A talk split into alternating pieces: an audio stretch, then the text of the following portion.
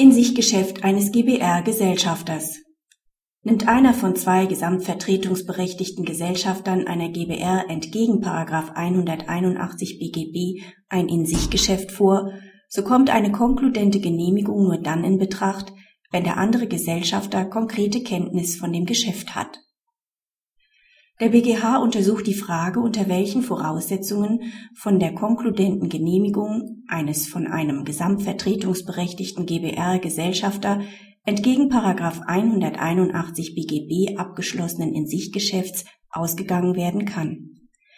Die seitens der GbR unwidersprochene Entgegennahme des im Rahmen des In-sich-Geschäfts vereinbarten Entgelts genügt insoweit nicht Vielmehr muss der andere gesamtvertretungsberechtigte Gesellschafter auch Kenntnis von der konkreten Vereinbarung haben. Die fehlende Kenntnis kann auch nicht dadurch ersetzt werden, dass der Gesellschaft das naturgemäß vorhandene eigene Wissen des selbst kontrahierenden Gesellschafters zugerechnet wird. Denn selbst wenn eine Wissenszurechnung zur GBR noch möglich sein sollte, kommt es darauf nicht an. Bei der Prüfung, ob die eingegangene Vereinbarung genehmigt worden ist, ist nicht der Kenntnisstand der GbR maßgeblich, sondern der des anderen Gesellschafters.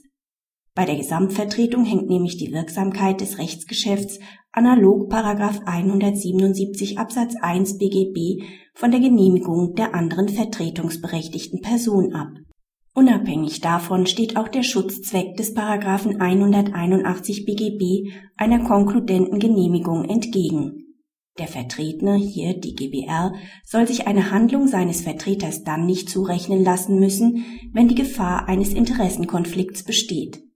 Dieser Schutz würde jedoch umgangen, wenn dem einen Vertreter das Wissen des zuvor entgegen 181 BGB handelnden anderen Vertreters bei der Prüfung einer konkludenten Genehmigung zugerechnet würde. Andernfalls würde der Vertretene möglicherweise zu einem Rechtsgeschäft verpflichtet, vor dessen Eingehung ihn § 181 BGB gerade schützen will